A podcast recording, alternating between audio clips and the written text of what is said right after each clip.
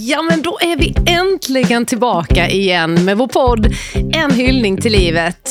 Åsa Scherin och jag som heter Helene Wish Persson.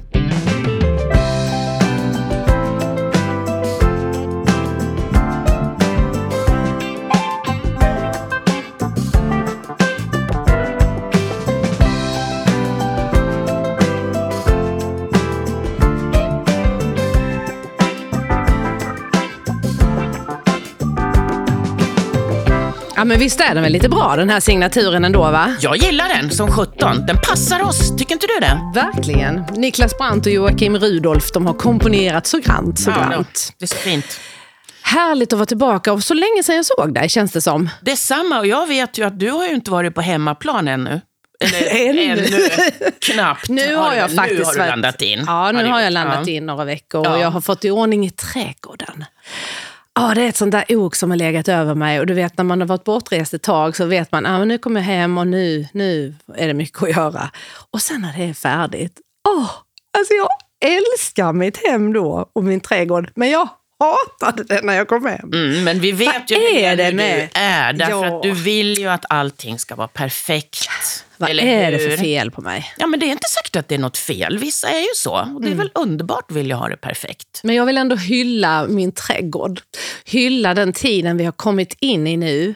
Maj månad, alltså valborgsmässoafton, det är så härligt. Man bränner bort vintern på något vis. Äntligen, säger jag. Du vet, å andra sidan, jag har ju då, med tanke på att det har verkligen blivit vår fullt ut, fått ett nytt heltidsarbete.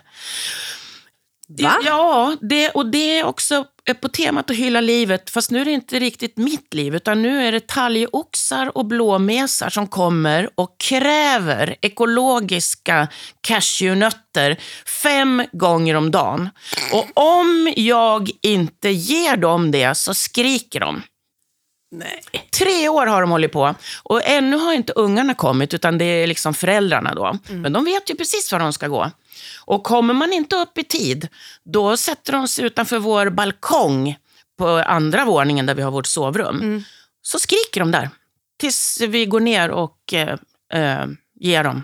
Men jag vet ju också hurdan du är, eh, Åsa. Alltså att rädda ett djur varje dag, det är ju ditt mission i livet. Ja, det är det.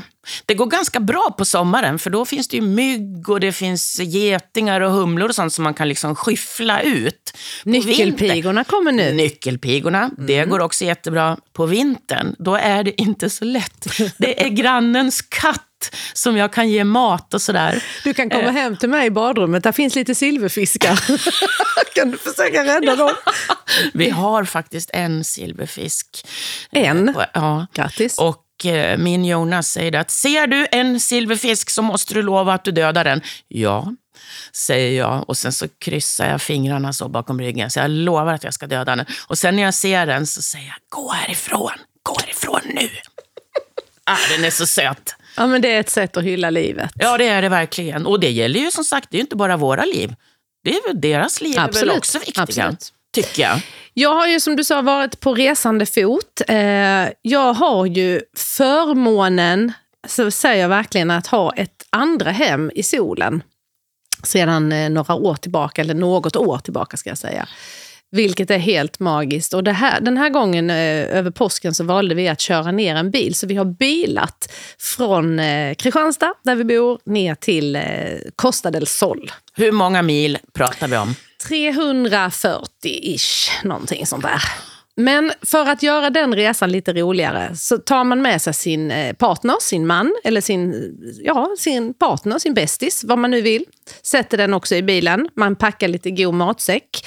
Eh, man eh, gör lite härliga stopp längs med vägen som man tycker då är intressant. Och för mig handlar det om vingårdar och vin. Och så lite vin. Och sen kanske lite vin också på slutet. Mm, jag gillar ju det. Det vet Så det jag. blev det- champagne och det blev, vi stannade till i Konjak. En liten by som Gud har glömt, som såg ut som en spökstad när vi kom på kvällen.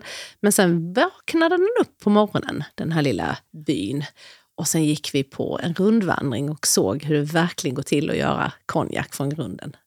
Det är spännande. Ja, det var skitkul, verkligen. Ja, men det är ju som sagt på temat att göra varje dag till någonting roligt. För att jag menar, att sitta och åka nästan 400 mil ner, det måste vara urtråkigt om man inte har någonting annat att göra. Åh, åh jag hade fått panik. Jag hade, jag hade blivit så uttråkad. Ja, Jag tycker det är det bästa som finns. Nu har vi också mobiltelefoner, så då kan man kolla lite på sociala medier och man kan lyssna på musik och jag skrev lite texter och, äh, och sen samtala med den som man åker tillsammans med. Jag älskar att bila. Det är verkligen någonting som gör gott för vår relation. Verkligen. Men där ser du ju skillnaden också, Helene. Jag menar, andra kanske bara hade sagt nu ska vi ner så fort som möjligt. Bara Flårköra, ja. braka Ja, fy, ner genom Europa. Medan ni valde att göra själva resan också till något skojigt. Mm. Men jag har alltid velat till Bordeaux och sådana platser som man, man måste liksom bestämma sig att nu ska vi verkligen dit. För att annars så tar man ju närmsta vägen. Sen ska man ju också säga att det här det är ju inte gratis. Det är ju en tacksamhet att få kunna ha möjligheten att göra det. Men man kan hylla livet på många andra sätt som inte behöver kosta så mycket. Och att mata fåglarna med ekologiska cashewnötter är ju en idé, till exempel. Ja, det är det faktiskt. Jag, jag har funderat på att de kanske till och med hade accepterat att de inte var ekologiska. Fast å andra sidan så måste det ju vara bättre för Finns det dem. andra är- nötter de skulle kunna gilla? Ja, kanske. Men cashewnötter gillar jag. Så jag tänker, och, de, och de blir så fina. De blir så stora och fluffiga i sina pälsar, eller vad det heter. Fjäderdräkt. Har du sett en blåmes med en päls? Päls. ja, det var faktiskt... Ja, det, nej, det är roligt. Så det här får jag hålla på. Tänk sen när ungarna kommer. Åh, vad jobbigt det är. Då hänger de som julgranskulor i tallarna utanför i vår trädgård. Upp och ner hänger de. Och sen, ja, det är så gulligt. Det är ungefär som när man får barn själv. Då hänger de också i tallarna upp och ner och skriker. Ja, och kräver mat. Exakt. Ja. Du, vad är det för papper du sitter och håller? Jo, det är så här. Jag har faktiskt en oerhört viktig fråga att ställa dig idag. För jag läste en artikel eh, om eh, att forskningen håller på att titta på möjligheten att se till att vi människor får ett evigt liv. Det vill säga att man ska kunna byta ut eh, gamla kroppsdelar mot nya kroppsdelar och fortsätta att leva i all evighet. Och då tänkte jag att det här måste jag fråga dig om, Helene. Hade du kunnat tänka dig det? Om Att vara med i ett sånt projekt? Nej, men alltså, för det, nu säger de ju visserligen här att det här kommer ju, det, det kommer ju dröja. Det, det kommer kanske inte hända på ja, massor med hundratals år, inte vet jag. Men, vad, ja, vad men menar du? Skulle, skulle det verkligen rent vara möjligt? Ja, medicinskt sk- säger forskarna att ja, det skulle kunna vara möjligt. Och då är frågan, skulle du vilja det Att finnas för evigt? för evigt? Du får ju tänka så här. För jag frågade min sambo igår, så sa han ja, absolut. Ja, så jag, men du fattar ju då att då kan man ju inte gå i pension vid 65. Nej. För då kommer det finnas en massa människor som inte jobbar överhuvudtaget. Så vi säger då att då blir man ungefär typ 40 år. Då står man kanske på höjdpunkten av sitt liv. Är det det, ska man bli det då resten av... Ja, i evigheters evigheter. Och jobba. Men hur jag- funkar det? Jag menar, det kommer ju barn och barnbarn och du, du bara överlever allihopa. Liksom. Det är det Ja, du gör. Alla fortsätter att överleva och då nästa fråga är ju naturligtvis, kan man överhuvudtaget skaffa barn? För att jag menar, då skulle ju jorden gå under Mm. om alla bara levde kvar. Men det är klart att det sitter forskare där ute och gärna skulle vilja lösa det här problemet. Ja, men jag tror det- faktiskt att det bara handlar om att man är rädd för att dö i så fall, om man svarar ja på den frågan. Mm. Jag skulle inte vilja. Och inte jag heller. Men jag tror att du har väldigt rätt i det. Jag tänker också kanske att många av de här forskarna eh, som eh, försöker lösa den här gåtan Mm. är, precis som du säger, rädda för att dö. Forskarna själva, ja. Forskarna själva, ja, men det är klart. Och det är ju sådär, det, det är ju så dumt. Det finns en, det finns en man, eh, som, en narkosläkare som heter Jakob Ratz Endler. Han har skrivit en bok som heter Hantera döden, en handbok. Och det är, är väldigt intressant. Han har ju träffat, som narkosläkare så träffar man ju naturligtvis många människor. Mång, många klarar sig, men vissa dör. Och då säger han här att eh, när han började skriva på sin handbok, då var det innan pandemin slog till. Och eh, sen så upplevde han ju att, eh, att eh, covid-19 satte frågorna på sin spets med jobbet, med det här manuset. Därför att helt plötsligt så började ju människor prata så mycket om döden, som vi kanske inte hade gjort innan. Och så, så skriver han här då i alla fall att det är en vuxen man som beskriver att han var helt chockad över att hans 93-åriga mormor hade gått bort i covid. Eh, och det, vad säger vi om det? Kan man vara chockad över att en 93-åring dör? Nej, kanske mer chockad eh, om hon får covid när hon är 93 och klarar sig. Faktiskt. ja. Egentligen, om vi ska vara krassa. För vi är ju uppbyggda av kött och blod. Mm. Och vi har ju en livslängd som verkligen kan eh, skilja sig. Men om man får leva över 90... Jag vet att Sven Melander har ju försvunnit från oss också. Från jordens yta i alla fall, vilket är jättesorgligt.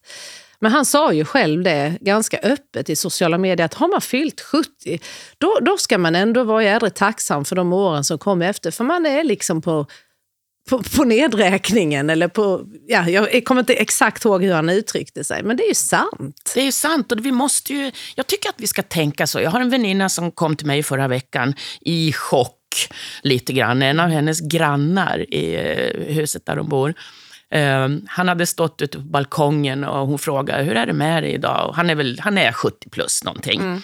Ja, jag sitter här, så han, har tagit ett par glas vin och njuter i solen. Och, ja, du vet, vi har ju bara en kvart kvar, så man måste ju leva nu. Och, och min väninna, hon har inte kunnat prata om någonting annat nu. Än den sista kvarten? Ja, den sista. Är det bara en kvart kvar vi har nu? Vad ska vi göra av den? Vi måste ju leva. Och det, det är något bra i det här, eller hur? Att bara ha en kvart kvar. Då inser man ju att nu, nu, nu får vi ge järnet alltså. Mm. Jag hade någon som la upp en en meters linjal på bordet och så skulle man pricka in vad man själv var i centimeter då. Mm. Och så insåg jag, ja, jag, jag är över hälften nu. Nu är jag ju på 53 och snart 54. Eh, och så, så, så, så tittar min mamma, jag tittar då vad jag är någonstans, någonstans sa hon. Liksom. Kontra vad vi har kvar. Det blir också väldigt tydligt. Det blir väldigt, väldigt tydligt. Och jag, jag tror ändå att med tanke på just det här hur viktigt det är att vi hyllar vårt liv och att vi gör eh, allt vi kan för att livet ska vara bra. Då, då gäller det också att vi vågar tänka på döden för att just inse att oj, vi kommer inte att leva för evigt. Så det, det måste vi bara. Men det där att eh, leva för evigt, nej. nej. Jag svarar nej på den. Jag tycker det är klokt. Jag tror det hade varit helt eh, förfärligt. Mm. Och prata om, om man nu blir uttråkad, jag, av att åka typ 400 mil. Hur uttråkad tror ni inte att man hade blivit om man hade levt ja. hela tiden? Alltså det blir ju som bara en rundgång. Ja, nej, usch, nej det, det, går bort. Vi gör inte det. Vi gör en fin övergång, för att vi är ju inte själva idag heller, Åsa. Nej. Vi har en gäst med oss. Och det känns nästan lite, eh, ja det känns bara hemma. Hemmatamt och hemmamysigt. För det här är ju då en av mina allra närmsta väninnor som har valt att eh, gästa vår podd idag. Eh, och hon sitter här och lyssnar och hon är väldigt tyst. Det är inte ofta det händer, skulle jag säga. Ja, hon är väldigt... det har varit tufft. Ja, det har varit tufft. Hon ja. är snackig annars. Arita Axelsson, välkommen hit och tack för att du ville vara med i vår podd. Tack snälla för inbjudan. En hyllning till livet. Ja. Vad gör du, eller vad har du gjort nyligen för att hylla livet? Oh, ja, det allra senaste jag har gjort är faktiskt att vara på eh, musikkonsert med min man och min eh, son. Och det är roligt. Brian Adams i Malmö. Yes!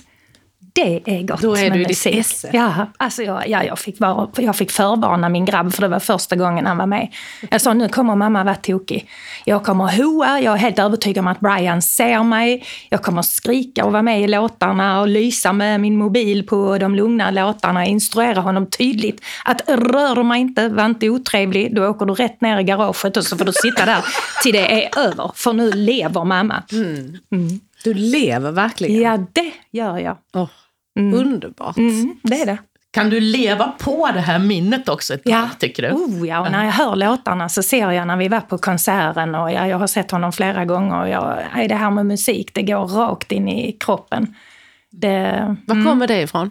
Ja, det kommer från min pappa. Han var, jag är uppvuxen med en pappa, på tal om att åka bil som du nu berättar. Alltid när vi åkte bil så spelade han musik för mig. Jag kan så tydligt se när vi tar kurvorna i Beddinge strand så sitter vi och lyssnar på Living next door to Alice och så var det några rader som jag inte riktigt fattade. Så sa jag, vad betyder years far? Ja men det är ju år. Han säger 24 years waiting for a chance. Oh, alltså, allt det här med text och musik, det har han lärt mig. Och det smittar jag av mig på mina barn, för jag tycker det ger så mycket. Jag lyssnar på melodin, men texten det är det viktigaste för mig. Så det är kul med musik.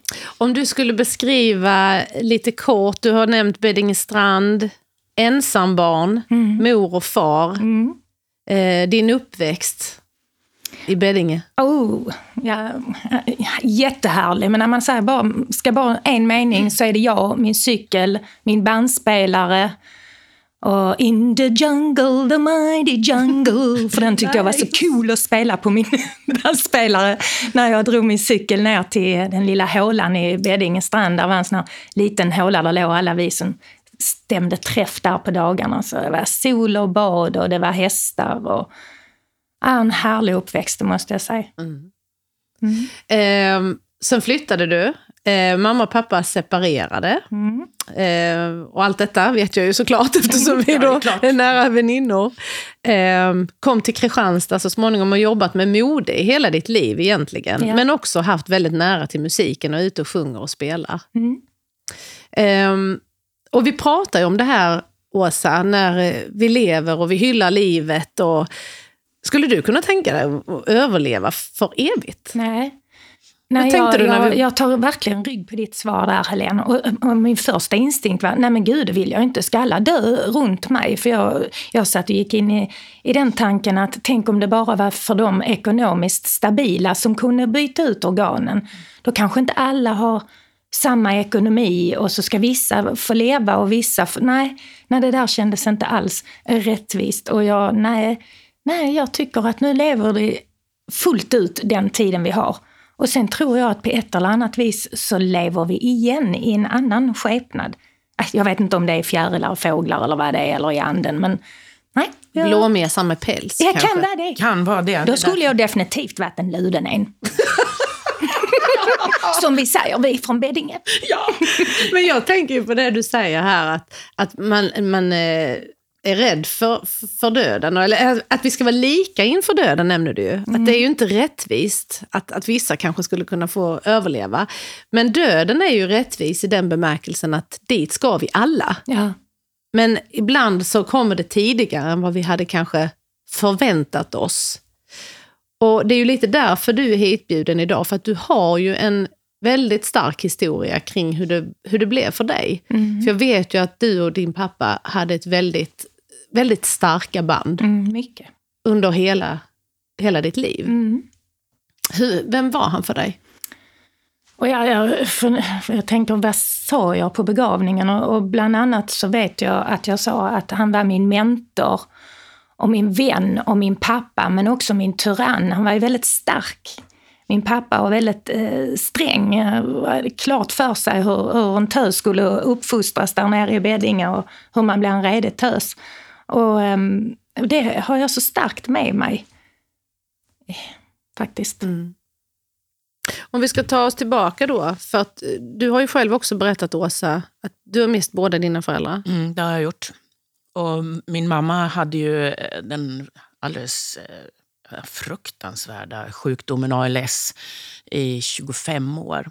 För pappas del gick det mycket fortare. Egentligen vet jag inte varför han dog. Jag tror han bara... Han var ändå maskiningenjör, tror jag vi har diskuterat innan. Så att han bestämde sig nog helt enkelt bara. För att nu fick det vara nog. Men eh, eh, alltså de här 25 åren, det... Jag, jag, jag tycker att jag skulle önska när jag dör att jag... Ibland kan jag önska att jag skulle dö knall och fall. Fast sen samtidigt så skulle jag nog också vilja få lite, lite tid att bestämma vad, hur man vill ha det, få säga hej då till de man älskar och säga de här viktiga sakerna. Det skulle jag vilja. Men 25 år, det kan jag säga, det, det kan man inte önska sin värsta fiende. Um, absolut inte. Men för din del, Rita, så... Um, ja, hur, hur började det egentligen? Hur gammal var far när han gick på en läkarundersökning? Han var knappt 65. Mm. Mm, skulle bli 65.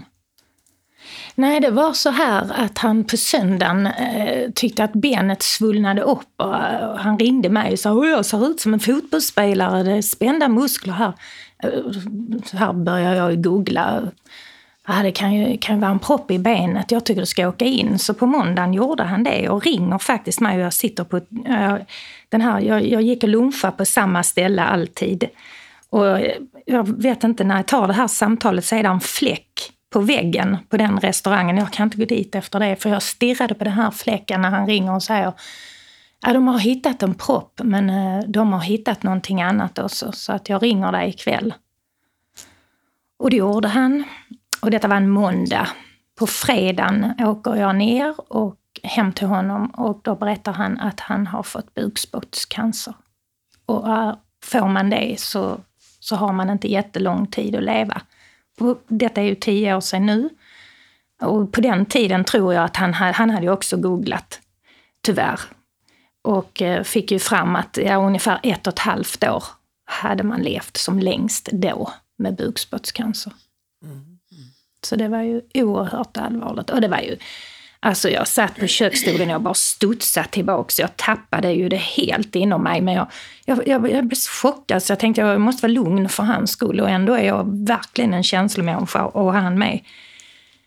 Och, ja, vi var, satt ju där och tittade på varandra och, jag, och det här är ju fruktansvärt. Och vad kan jag göra för att pigga upp det? Och man sa det ena dumma efter det andra. Man, man, man var ju så i chock. Så sa jag far, nej men nu, nu, nu får du lyssna här för så här och så här vill jag ha det.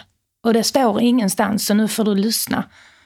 Oh, tänkte jag, gud, det här, jag, jag kommer aldrig komma ihåg det. Så jag, jag bara drar ett gammalt uppsprättat Telia-kuvert som han hade på köksbordet framför sig och en penna och så lyssnar jag på det han säger och skriver ner. Och då berättar han lite kortfattat då att det här har jag och jag vill att du gör så här. Du ärver det, mor ärver det, min kärlek över detta och mina bröder ska ha detta. Och jag jag skrev ner det på det här kuvertet och jag liksom... Ja, det var så fruktansvärt att höra det så att det var, ja, det var hemskt. Helt oförberedd. Mm, helt oförberedd. Mm. Och sova över där den natten, det, det, ja, det var de värsta timmarna. Så min pappa han var världsklass. Han var ju starkast. Alltså jag var ju Pippi och han var liksom min sjörövarpappa. Han ska leva för evigt, det finns inte jag blir enbent utan honom. Mm. Vilket jag verkligen blev i många år faktiskt. För sen följde det några veckor mm. och han hamnade på sjukhus. Ja, det gick snabbt. Ehm, som eh, han hamnade på sjukhus och han tålde inte morfinen och starka tabletter. Han blev kass på det. Och, och han, jag får nog säga att är det hopp, då kör han. Men om någon säger till han det här går inte, då tänker han hur lägga ner snabbast möjligt. Han var affärsman och det var han även när det gällde sitt eget liv. Mm. Låter lite som den här maskiningenjören. Ja, jag, på något vis. jag stämde in i det när du mm. satt här och nickade när du sa det. Mm. Att göra lidandet kort. Uh, han sa till och med att blir jag liggande länge Rita och är riktigt dålig, då vill jag inte hålla, de får inte hålla mig vid liv. Hur var det sista dygnet på sjukhuset? Ja, Ja, det var, det var ju helt knäppt. Vi, vi förstod, alltså vi tyckte ju ett och ett halvt år. Okej, okay, han har ett och ett halvt år, så den här veckan han var där... Det var det enda på, du hörde? Ja, det, ett och ett halvt år. Jag, nu, är, nu jag sköt mig fram i ett och ett halvt år. Ja. Så att jag förstod aldrig att, att det skulle hända något under den veckan, utan jag trodde bara nu är han jättedålig, sen kommer han hem och hämtar upp sig igen, sådär som man ofta hör att faktiskt människor gör. Men han, han blev snabbt sämre och jag, jag for omkring där på sjukhuset och tyckte, oh vad tradiga gardiner, du kan inte ligga här inne med dessa gardinerna för. Jag köpte gardiner och hängde upp. Du kan inte ha dessa tradiga blommor. Jag köpte nya krukor och blommor och satt in. Och, gjorde sen, fint för honom. Ja, det gjorde jag. Och sen tittade jag in i de här andra sorgliga rummen med människor som kanske inte hade anhöriga. Och jag tittade på de lojiga gardinerna och vattnade blommor in hos andra. Man beter sig jättekonstigt när man, när man är rädd och är i sorg. Och far han låg där med syrgastuben, eller den här, vad heter den? Lust, eller? Precis, Ja. lustgasmojängen framför ansiktet. Och, och så, ja, vi pratade om allting och så, så hade han ju sin eh, flickvän, de var ju serbo. Så sa han, jag tycker det känns konstigt att dö ifrån henne utan att hon har en ring på fingret. Och jag har frågat henne om hon vill gifta sig men hon, hon tycker det, det gör vi inte Flemming, sa hon. Så sa han, men jag, jag skulle vilja ge henne en ring, kan inte du fixa det? Jo, ska jag göra så. Så jag körde in till en guldsmedsaffär i Kristianstad och det måste jag säga, jag tackar den guldsmedsaffären för förtroendet för så mycket pengar jag åkte omkring med i bilen till Malmö. Jag fick en lunta ringar med mig och jag åkte till lasarettet och sa, far nu har jag med mig ett gäng här, välj ut. Visst, alltså helt satt märkligt. ni och valde ring. Ja, där satt vi och valde ringar och så fick han eh, mekat ihop två stycken så sa han det ser fint ut. Nu ser hon ju ändå lite gift ut om, jag, om vi tar två. Ja, ta du två far, det blir fint på henne, sa jag. Ja, så tänkte jag, nähä, ja, nu ska min far till att förlova sig, nu får vi ställa till det lite mysigt. Så dagen efter så tar jag med mig finporslin och sån här bestickniv och gaffel. Fint skulle det vara och en femarmad ljus, ljusstake och bollar upp och jag hade sushi och jag var ute hos sköter- sköterskorna och förklarade läget. Och så har ni någon vit duk som jag kan slänga över en sån här serveringsvagn. Och körde in där. Dum, dum, dum, dum, dum, dum, dum, dum, sa jag. Ja, far han tittade på mig och himlade med ögonen. Hon är inte klok, Men det visste han om. Hur du Ja, det visste han kände ju han. dig. Ja. Så satt de där och åt sushi och förlovade sig. Och... Ja, det var jättefint. Hur var det? Ja, det, Alltså- det, ja, det var ju fantastiskt att jag fick lov att sitta där. Det var ju en romantisk stund för dem, trots de sorgliga omständigheterna. Vi grät ju alla tre och det var ju helt knäpp samtidigt som det var väldigt fint. Men det är ju helt otroligt att du gjorde det här, Rita. Alltså, fixade med ringar och fixade med allt och till och med ljusen. Ja, det var tur för, jag, höll på, jag kom skramlandes med tändsticasken och lyfte far på den här mojängen för munnen så sa hon Tänd nu för helvete inte, då exploderar hela lasarettet. ja, och det hade väl varit en klassiker för min del. Ja. Snacka om att gå med buller och bång. Ja. ja. Och Nej, som, det var- som väninna vid din sida då, fast eh, inte på plats såklart, Mm. så, så vi, visste jag ju vad som var i antågande. Och jag vet också att eh, din far Flemming och min son har, eh, har en gemensam dag. Mm. Så när jag firar eh, min sons födelsedag så tänker du på din far, för det blir hans dödsdag. Ja.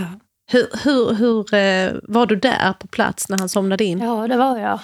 Eh, han hade talat om för mig vad han ville ha för, för låt på sin begravning, en av låtarna. Och jag, jag vet inte vad som fick mig att den dagen, jag satt och lyssnade på CD-skivan hela vägen ner från Kristianstad till Malmö.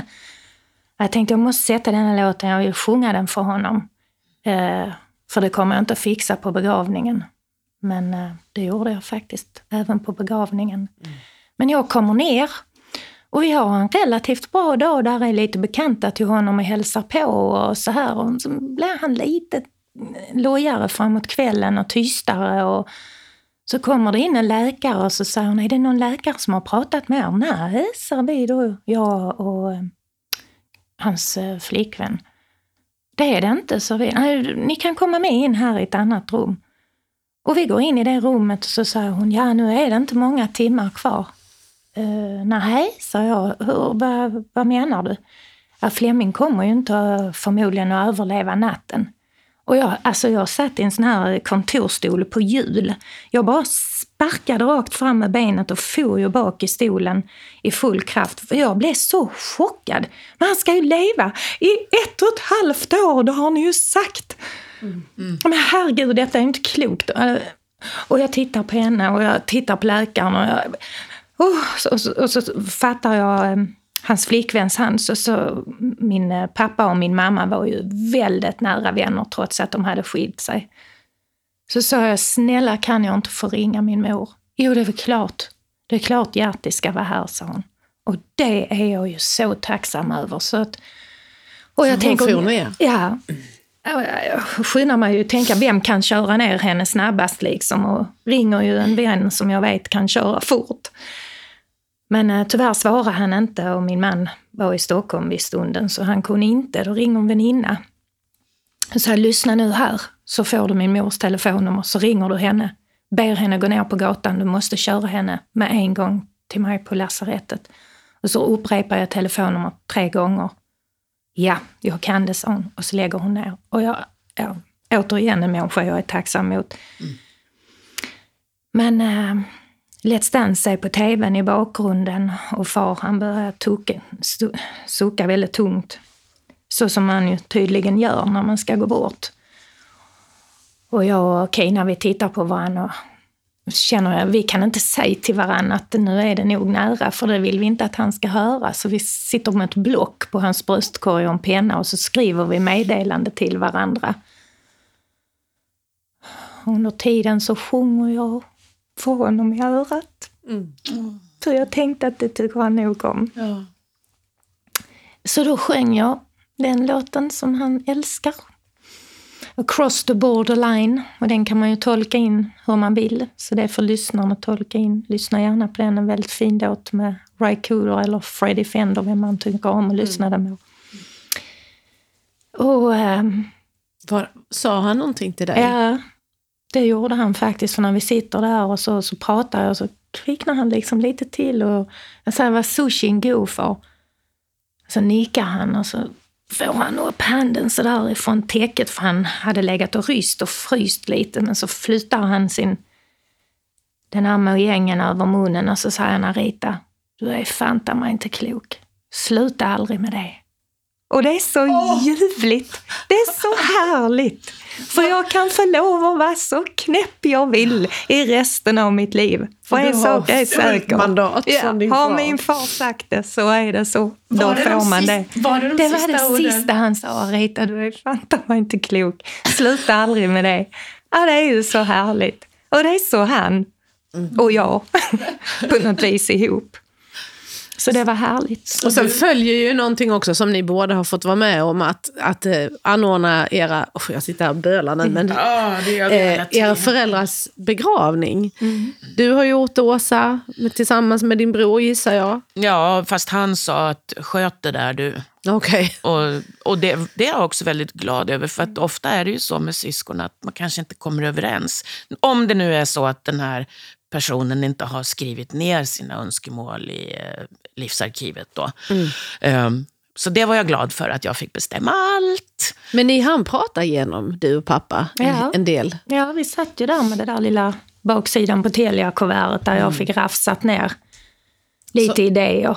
Så själva begravningen eh, som jag själv var delaktig i, eh, där var du ju otroligt stark och lyckades eh, tänka på alla. Känns det Tack. som. Ja, jag försökte. Jag, nej, men jag är nog lik far och jag tycker han tänkte på alla. Så det skulle liksom gå i hans anda. Hur var det då? Hans anda? Om du ska Ja. beskriva begravningen. Ja, den, Lite danskt? ja, det var den verkligen. Alltså det var stämning och det var tårar och vi mindes tillbaks. Och sen var det, ja, det låter ju inte klokt, men sen var det glädje när vi gick ut. För det var jag väldigt noga med. För far var glädje. Han var inte alls sorg. Han var glädje. Så det var en väldigt fin begravning med Still got the blues for you med Gary Moore till hans till alla kvinnor han hade älskat. Och, ja, det, det var jättebra och jag lyckades faktiskt gå fram och hålla ett litet tal till hans ära om hur han var och vad han hade betytt för mig. Och så sjöng jag den här alldeles tyst och stilla, det jag hade sjungit för honom i örat medan han somnade in. Och sen när vi gick ut, och han hade ju danskt påbrå så det var ju en hel del danska släktingar. Så sa jag, nu vet jag att detta låter knäppt, men jag har ju fått mandat att inte vara klok. Så nu tänker jag att jag ska vara lite tokig, så nu krokar vi arm. Och så går vi ut gungandes ur kyrkan på danskt vis. Och så sjunger vi i en lillebodiga gungor. Där syr jag och synger. för de ting där gav livet värde. Det är så fint, det är så bra. Jag är så nöjd. Och det vill jag säga, kan ni göra er nöjda på en begravning så gör det. För som det har, det är sån tröst och sån glädje att få känna att det här blev fint. Det blev bra och det var snyggt och det var klint och det var vita blommor. Och far sa innan han dog, det här på, det står också på Telia-kuvert, det måste vara bra ljud i kyrkan. Jag hatar när det skorrar och inte är bra ljud. Hyr in en dyr anläggning. Så det gjorde jag. Ja. Och med tanke på det som vi pratade om i förra podden, hur viktigt det är att personi- personifiera begravningarna. Eh, Susanne Wallin var ju inne på det, att vi borde liksom bli ännu bättre. Men du, du gjorde ju verkligen det. Ja, jag tycker det är Och jätteviktigt. det har, har du haft glädje av sen? Absolut. Han älskade chiliräkor, den här smörgåstårtan från Smygehamn. Så det, det köpte Den vi fick in. det bli. Det fick det bli till kaffet. Jag tycker det är så eh, härligt, eh, Arita, det du säger också om att du har haft glädje av det här minnet så många gånger. För det är precis så jag också känner. att Det är ju trots allt det sista minnet du får av en person som du har älskat. Ja. Och att det då ska bli fint, det är ju värt hur mycket som helst. Och det är ju, prata om att det är en hyllning till livet. Eller hur? Verkligen. Och jag tänkte bara avslutningsvis, eh, på vilket sätt finns han med dig i, i vardagen idag? För nu har det gått några år. Jag vet att ni har några sådana symboler Ja, som jag också skickar knäppt. till henne när jag ser det här. Ja, uh, någonting som han sa också här under de, här veckorna som han var dålig, så sa han, "Nej, jag vet inte det där med livet efter detta, jag tror inte det. Men en sak ska du ha klart för dig, Arita. Med det humöret och det jävla anammat jag har i mig. Är det någon som kan trycka igenom bar- barriären så tror jag det är jag. Så ser du mig så ser du nummer 17. Så nummer 17 kommer till mig på de mest märkliga sätt. Va? Ja, alltså jag kan ha stolsits nummer 17 på tåget eller nummer 17 när jag hyr en stuga i Alperna. Alltså det är helt crazy. Min mamma, det, samma år som han gick bort, nyårsafton, så åker min mamma och hennes man in eh, till Paris och går in på en, eh, vad heter det här, roulette och grejer. Kasino. Casino, tack, jag tappade ordet. Casino. Och precis när de går in så sa det dung, dung, dung, dung, dung i alla de här pelarna. Och så tjo, står där nummer 17. är det inte konstigt? På fyra pelare kommer dunk, dunk, Han ville med vara i 17. Paris? Han ville. Han hälsar Moen, jag är med dig. Spela nu inte upp alla pengarna. Ja, vilken fantastisk historia. Ja. Sorglig och ändå så underbar. Ja, Eller hur? 65 år är alldeles för kort, men som han levde. Och de sista fem åren så sa han, nej, nu börjar jag dricka vinet från den fina änden. Och det är jag glad att han inte gjorde. Så alla ni som lyssnar, vänta inte, lev här och nu. Det är ingen repetition vi håller på med, det är galaföreställning varenda dag. Yes! Det krävs nästan en signatur på det här. Absolut. Tack snälla Arita för att du kom hit. Arita Axelsson. Åsa, vilken story. Ja, helt underbart att du delar med dig av den här till oss. Jag sitter också eh, gråtfärdig av både, ja, mest faktiskt av glädje för att det är så fint. Och vi behöver höra det här. Det är precis det vi behöver höra. Hur vi ska hylla livet varendaste dag. Tack för att du har lyssnat. Helene Wish Persson heter jag. Och Åsa Scharin heter jag.